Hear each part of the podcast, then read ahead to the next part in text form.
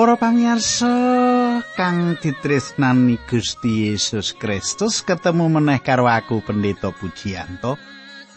Ana ing sadroning adicara margi utami adicara kang dadi kelangenan panjenengan.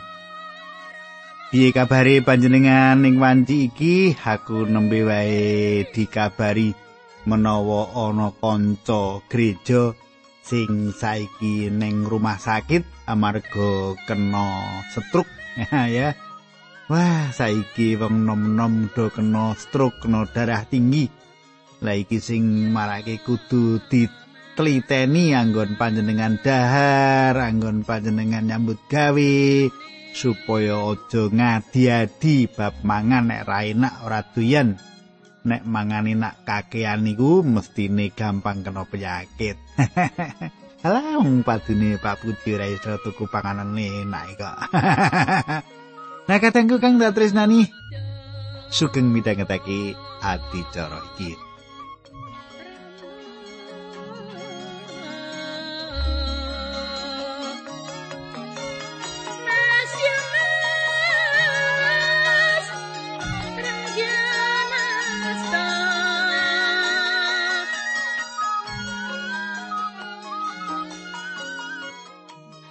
Katanggu apa panjenengan cek kelingan apa sing diaturake nalika patemon kita kepungkur?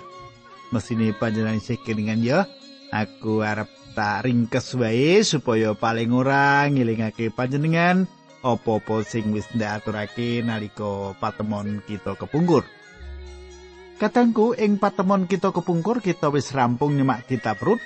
Laning patemon kita ing dina iki panjenengan ndak derekake nyemak salah siji saka kitab kang katulis saka perjanjian anyar yaiku kitab lelakone para rasul. Nah ketengku ayo nyemak.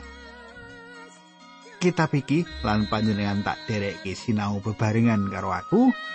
Nanging sadurunge kuwi apik menawa kita ndedonga nanging sadurunge ndedonga aku bakal ngaturake salam dhisik. Salam dhisik marang sedulur-sedulur sing wis nglayani aku yaiku Bapak Slamet Agung Wahyudi. Kepiye kabare panjenengan Bapak Agung Wahyudi? Wah ngantek ra basa. Kados pundi pawartos dipun Pak Agung? Sae-sae toh. Wonten mriku sampun jawah dereng nggih. Nah, sugeng midhangetake Pak Agung. Gusti berkahi panjenengan.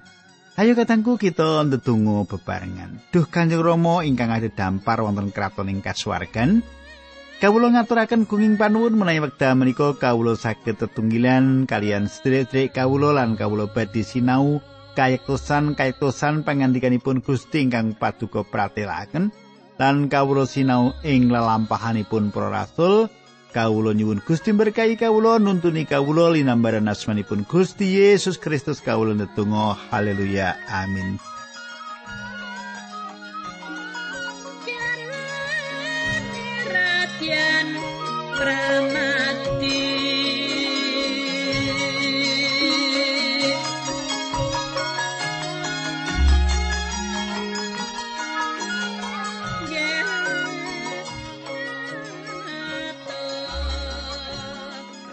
Kadangku kitab lelakone para rasul kala-kala disebut Injil kang kaping 5.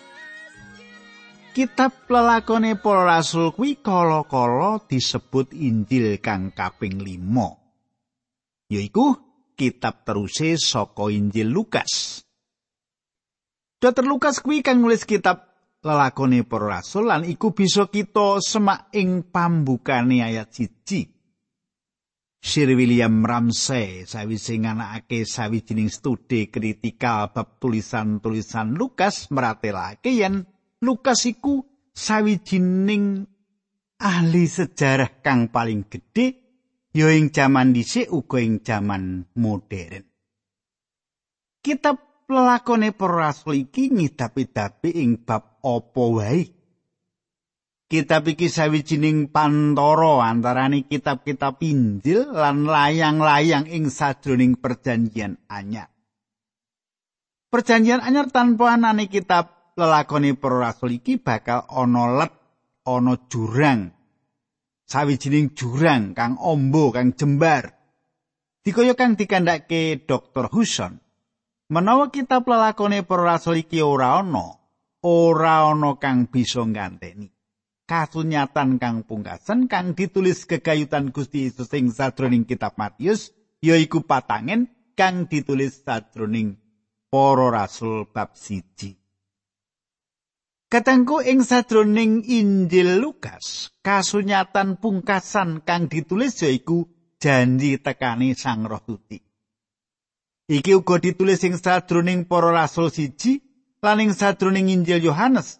Kasunyatan pungkasan kang ditulis yaiku bab rawe Sang Kristus kang kaping pindhone.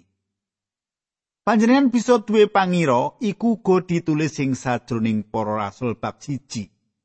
Prakara kuwi kaya-kaya papat Injil wis diesokake ing sadroning trobong lan papat Injil kabeh mlebu ing sadroning kentong iki saka pasal kawitan kitab para rasul. Uga dawuh ngelarake kabar kabungan utama kang kapratelake ing papat Injil diteguhake ing sadroning kitab para rasul. Kitab para rasul migunani minangka ondo kanggo gayuh layang-layang ing sadroning perjanjian anyar.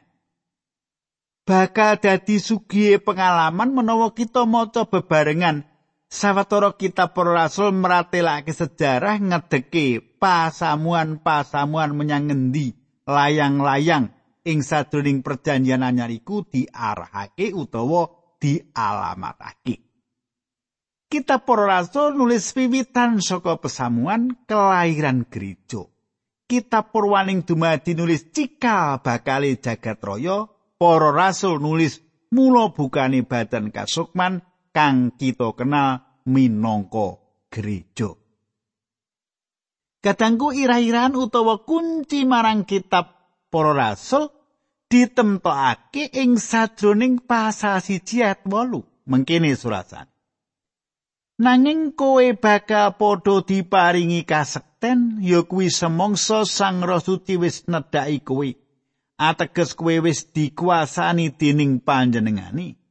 Lan kowe bakal padha dadi seksiku ana ing kutha Yerusalem ing tanah Yudea kabeh lan ing tanah Samaria malah ing salumaing bumi. Kitab iki kanthi mengkono selaras karo ayat kunci iki Pitu ayat kang kawitan nulis Gusti Yesus Kristus kang makaryo kanthi tuntunan Sang Roh Suci lumantar para rasul ing Yerusalem. Pasal wolu nganti rolas nulis Gusti Yesus Kristus kanthi tuntunan Sang Roh Suci makaryo lumantar para rasul ing Yudea lan Samaria. Turahane saka kitab iki dipisungsungake marang Gusti Yesus Kristus kang makaryo kanthi tuntunan Sang Roh Suci lumantar para rasul nganti pungkasane bumi. Katenggo kitab para rasul ora pepat. Kitab iki mandek nalika Paulus ana ing omah kang disewa ana ing Roma. Pancen anggone ngrampungi tulisan iki ora ngepas. Apa panjenengan mengerti kenapa? Iku awit kitab para rasul sawijining kitab kang ana terusane terus.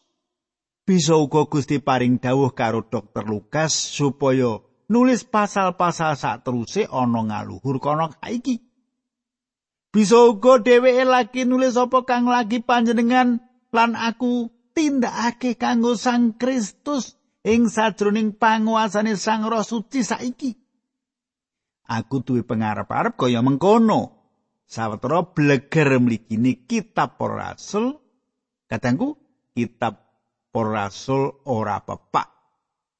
Kitab iki mandek ana ing siji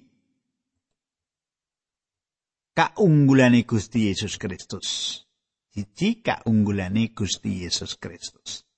Gusti Yesus wis nilar para sekabate nalika iku panjenengane wis tindak panjenengane wis munggah ing kasuwargan ing pasal kang kawitan saka kitab iku nanging panjenengane isih makaryo panjenengane lagi wae nindakake kalenggane lan papani panjenengane wis mindahake markase kang gedhe yaiku ing Kapernaum saiki markas panjenengane ana ing sisih tengene Sang Rama. Pakaryane Gusti Yesus Kristus isih katon. panjenengan isih makarya saka papan kang becik ing swarga. Kaping loro kaunggulane Sang Roh Suci. Sang Kristus paring janji ngutus Sang Roh Suci. Janji iki disebutake ana ing Injil Yohanes nganti kaping papat. Panjenengan iso semak Yohanes 1 ayat 33, Yohanes 7 ayat 37 nganti 39, Yohanes 14 ayat 16 nganti 17, rong puluh nganti rolikur. Janji kang padha diparingake ana ing para rasul siji ayat wolu. Panjenengan lan aku urip ana ing abad Sang Roh Suci kasunyatan kang utama saka abad iki yaiku manunggali Sang Roh Suci ing sadroning wong pracaya. Kasunyatan kang utama ing abad iki yaiku manunggale Sang Roh Suci ing sajroning wong pracaya. Kaping telu panguasane gereja.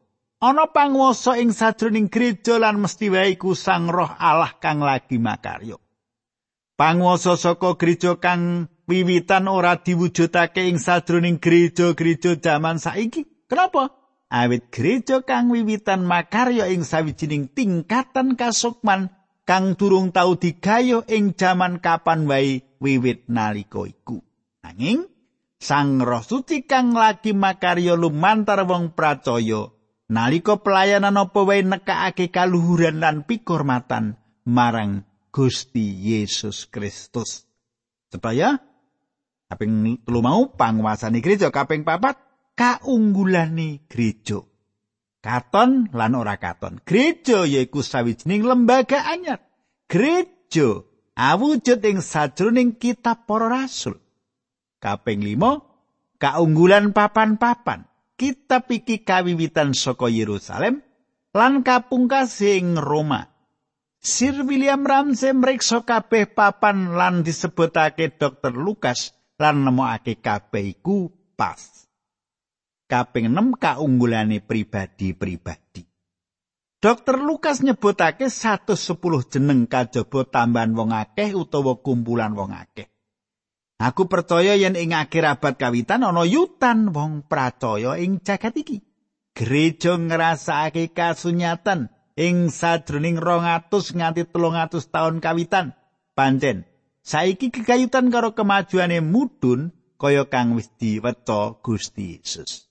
Pancen saiki gegayutan karo kemajuane gereja kuwi mudhun. Lan iki wis diweca dening Gusti Yesus. Kaping pitu kaunggulan patangen. Patangen sawijining punjer saka pengabaran Injil.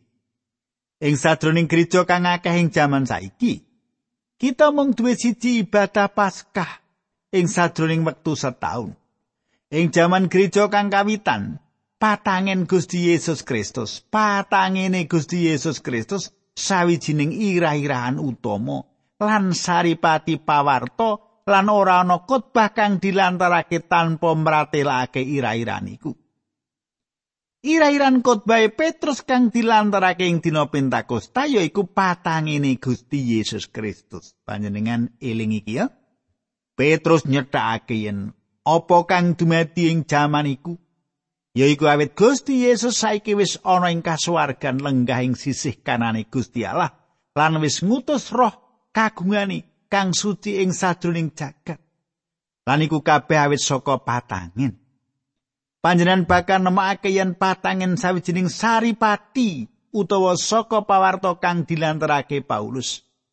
Akeh wong lan para pendhita kang seneng meratelake kasenengane, hobine ana kang seneng lantarake pawarta bapa meca kang liyane seneng mratelake bab pawarta keswik utawa perangan utawa perkara kang liya saiki menawa panjenengan seneng mratelake sawijining pawarta menawa panjenengan danganing penggalih panjenengan ndak suwun martakake patangene Gusti Yesus Kristus panjenengan dak suwun martake wungune Gusti Yesus saka seto.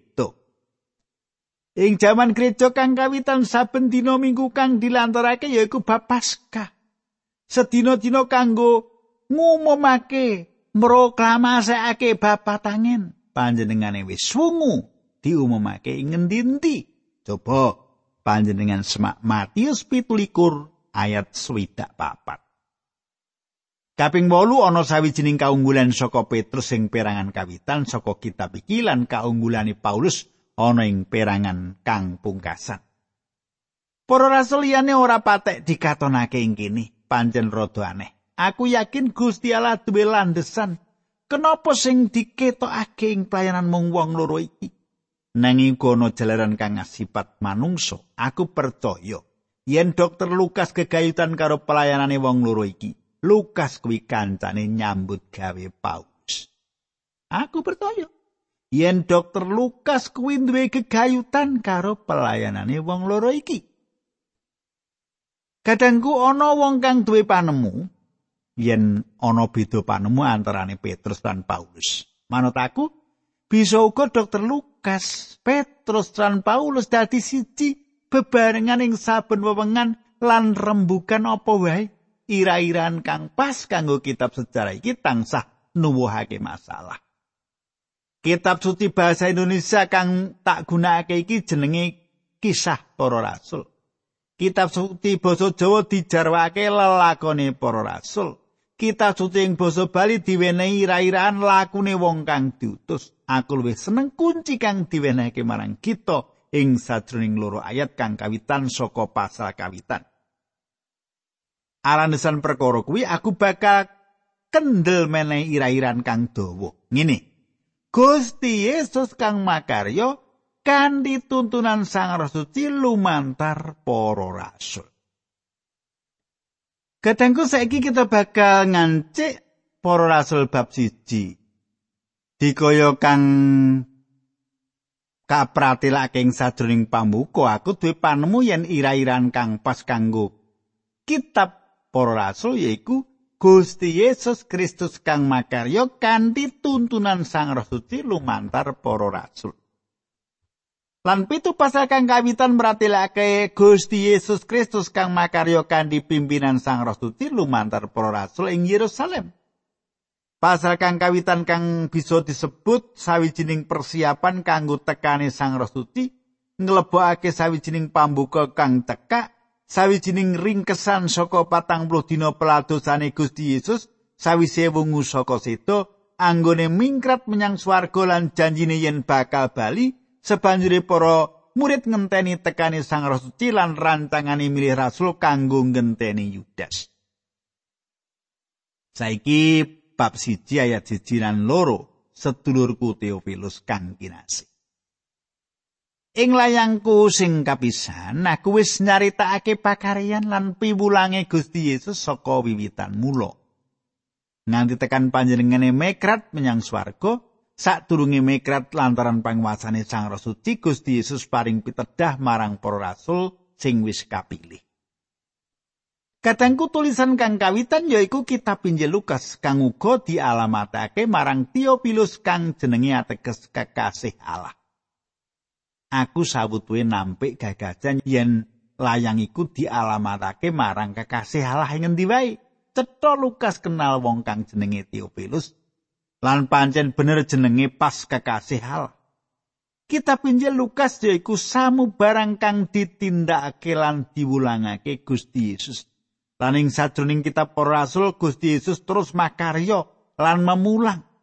Zaman saiki Gusti Yesus isih makarya Menawa aku bisa nggunakake pratela kuwi lan panjenengane nerusake rancangan jaman saiki nganti mulung umat kagungane metu saka ing jagat iki. Katanggu panjenengan semak ukara nganti tekan panjenengane mekrat menyang swarga sadurunge mekrat lantaran panguasane Sang Roh Suci. Iki mesti wae nyetakake yen mung awit Gusti Yesus wis mingkrat menyang swarga ora teges dheweke panjenengane mandek makarya lan memulang. Nanging saiki saka kalenggane kang apik dhewe ing sisih kanan Allah, panjenengane neruske pakaryane lumantar Sang Roh Suci. Dikaya ing sadurunging angkatan bersenjata ngendi kumando dilantarake saka atasan marang bawahan, kaya mengkono uga Gusti Yesus Kristus isih makarya lumantar Sang Roh Suci. Sang Roh Suci makarya lumantar para rasul lan nyelametake panjenengan lan aku ing ngendi kita manggon iki sawijining pratela kang ngidapi-dapi kini Kadangku sepanjure dokter Lukas meratelake patang puluh dina peladosane Gusti Yesus sawise wungu saka situ. Dokter Lukas nggunakake siji saka tembung-tembungi kang diterusake nganti ing ayat papat. Ayat telu. Sawise wungu saka situ Gusti Yesus bola bali ngetingal marang para rasul sajrone patang puluh dina minangka bukti yen panjenengane gesang para rasul padha ndeleng Gusti Yesus lan padha dingendikani bab kratone Gusti Allah. Katengku Gusti Yesus ngatonake sarirane ing sajroning kahanan kang gesang. Lumantar bukti-bukti kang akeh kang ora bakal luput sawisi penandang lan sedani. Ana sepuluh lakon ngati ngale Gusti kang ditulis sawisi Gusti Yesus wungu. Peladosane sawise wungu saka sedo dikaya kang dipratelake lumantar anggone ngatingal ngandut sawijining kang diutamake sajroning telung taun kang ditulis ing sajroning kitab-kitab Injil. Ana pendeta kang nulis buku cilik kang ira-irane kubur kang kotong kang nyaritakake bab peladosan sawise Gusti Yesus wungu saka situ. Kadangku Paulus meratelake ing sajroning loro Korinta 5 ayat 16 mengkini. Mulane saiki kita ora ngukur wong manut panemune manungsa. Senajan dek biyen kita mawas Sang Kristus manut panemune manungsa nanging saiki wis ora mengkono. Katangku panjenengan lan aku ora wanuh panjenengane kang sugeng ing bumi luwih saka 1900 taun kepungkur. Nanging sabenere kita wanuh panjenengane minangka manungsa kang kebak kamulya. Panjenengane saiki ana ing swarga lan panjenengane iku nyata. Kaya ngopo asring gereja kelangan pawas kegayutan kasunyatan iki? Kenapa gereja kelangan pamawas kegayutan kasunyatan iki? Katangku, lagi wae aku nampa layang saka wong kang kandha yen dhewe wis dadi warga pesamuan sawijining gereja ing uripe. Wong iku nyaritake yen wis nindakake kabeh urutan agama kang diwulangake lan wong iki duwe pikiran yen dhewe kuwi wong Kristen. Sebanjure kanthi ngrungokake pangandikane Gusti Allah dhewe sinau yen dhewe ora wanoh karo Gusti Yesus kang ditemokake yaiku yen Gusti Yesus ora mung sugeng nalika 1900 taun kepungkur nanging panjenengane saiki uga gesang lan lenggah ing sisih kanane Gusti Allah. Panjenengane sowan marang Sang Kristus kang gesang lan nampani panjenengane minangka Gusti lan juru slamet kaya ngapa anggone nggumunake perkara iku. Gusti Yesus ngatonake sarirane ing sajroning kahanan sugeng lumantar bukti kang ora bakal luput. Ketengku kang dadi masalah kanggo wong kang ora percaya jaman saiki. Ora kok bukti-bukti nanging anggone ora percayane dhewe.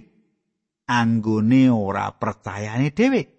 Bukti-buktine cetono. Aku takon-takon apa ana wong kang mangu-mangu yen peperangan Waterloo sawijining lakon sejarah. Terus terang aku percaya yen Napoleon tau urip lan aku percaya yen dhewe perang ana ing sajroning peperangan Waterloo. Nanging aku mung duwe bukti sithik. Sabenere ana 10.000 luwih bukti kanggo sedo lan bungane Gusti Yesus Kristus tinimbang bukti bab peperangan Waterloo. Lan senajan kaya mengkono, isih wae ana wong ing jaman saiki kang kondo dheweke ora percaya. Sebanjuri kadangku kang dadi pitakunan kita yaiku ana ngendi kang dadi masalah. Masalah ana ing sajroning ati. Ati kang ora gelem percaya wis dadi wateke manungsa yen ngedoh saka Gusti Allah padha karo kang ditindakake Adam. Manungsa ngungkurake Gusti Allah ing jaman saiki. Menawa panjenengan kalebu wong kang ora percaya, masalahe ana ing panjenengan dhewe. Masalahe ora saka pangandikane Allah, panjenengane ngatonake sariyane ing sajroning kanan kang urip lumantar bukti kang akeh kang ora bakal luput. Panjenengan bisa mangerti menawa panjenengan bener-bener kepengin mangerteni. Masalah yaiku panjenengan ora kepengin mangerteni. Masalah ora ana sajroning pikiran. Masalah ana ing sajroning kekarepan Katanggu kang dak tresnani aku njaluk idi panjenengan mlebokake komentar ing kene kegayutan karo patangen kuwi. Ana sawijining ayat kang manut aku wis diingerake lan tujuan ayat kuwi kosok balen. Ing Injil Yohanes 13 ayat 32 Gusti Yesus ngendika, "Mengko samangsa aku wis dipanjer aku bakal gendeng wong kabeh melu aku." Kepiye panjenengane dipanjer? Gusti Yesus dipanjer lumantar wungu saka sedo lan diangkat saka pati. Yaiku dawe, kaya ngapa asringe panjenengan meratelake bab Gusti Yesus lan kaya ngapa endahe kang panjenengan kandhake bab panjenengani. Dawe yaiku panjenengan wis diangkat saka pati. Panjenengane wungu. Alasan kenapa akeh wong kang ora digandeng marang Sang Kristus yaiku awet ora ana khotbah bab Sang Kristus kang wis wungu. Kaya ngapa kuwate kang diutamake ing kitab para rasul ing bungune Gusti Yesus Kristus. Katanggu tak cukup semene dhisik, ayo kita ndedonga aja lali, kita terusake ing dina candhake. Kanjeng Rama ing swarga kawula ngaturaken gunging panuwun menawi wekdal menika kawula saged midhangetaken sabda pangandikan paduka. Kawula pasrahaken gesang trek kawula menika wonten ing asta paduka linambaran asmanipun Gusti Yesus Kristus kawula ndedonga haleluya amin.